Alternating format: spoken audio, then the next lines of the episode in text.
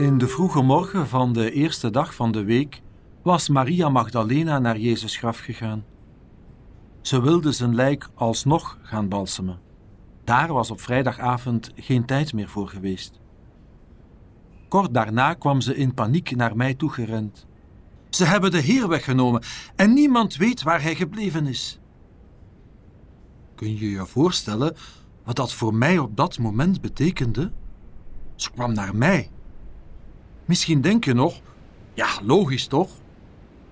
Jezus heeft jou steeds behandeld als de eerste, de prins van de apostelen.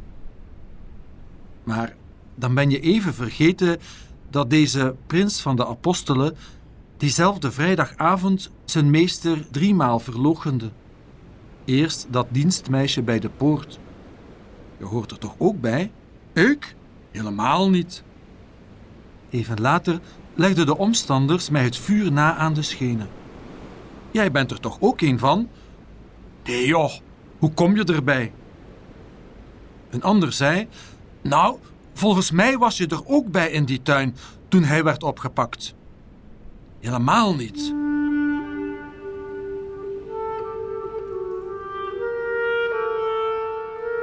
En toen het kraaien van die haan. Hij kraste Jezus woorden in mijn ziel. Nog voor de haan kraait, zul je me driemaal verloochend hebben. De pijn, de vernedering, de schaamte.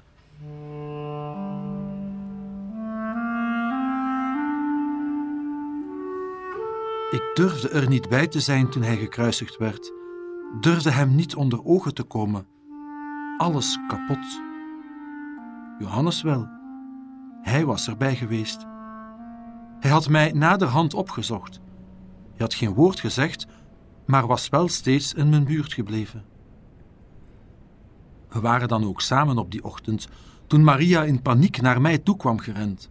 Naar mij. Alsof ik nog steeds de prins van de apostelen was. Had het niet meer voor de hand gelegen dat ze had gezegd: Jij wilde toch niets met de meester te maken hebben? Je kende hem toch ineens niet meer?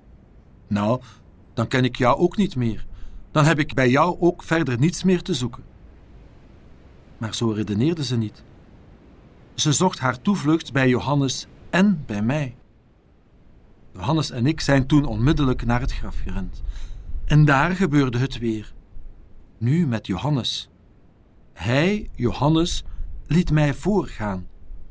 Hij gaf mij de eerste plaats. En hij meende het. Schrijnend. Veel later heb ik hem gevraagd hoe hij dat had op kunnen brengen. Hij me dat Jezus' woorden aan het laatste avondmaal diepe indruk op hem hadden gemaakt. Herinner je je niet, Petrus, wat hij zei? Ja, zijn woorden staan me in de ziel gekrast. Nog voor de haan kraait, zul je mij driemaal verloochend hebben.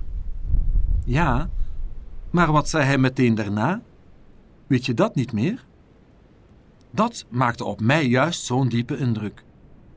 Hij zei inderdaad: Je zult mij driemaal verloochenen. Maar onmiddellijk daarop zei hij: Laat je hart niet verontrust worden. Ik ga naar mijn vader om daar een plaats voor je te bereiden. Met andere woorden, hij had je al vergeven voor je de fout had gemaakt. En omdat die woorden van vergeving zo'n diepe indruk op mij hadden gemaakt, moest ik wel handelen in zijn geest. Jij bleef de belangrijkste.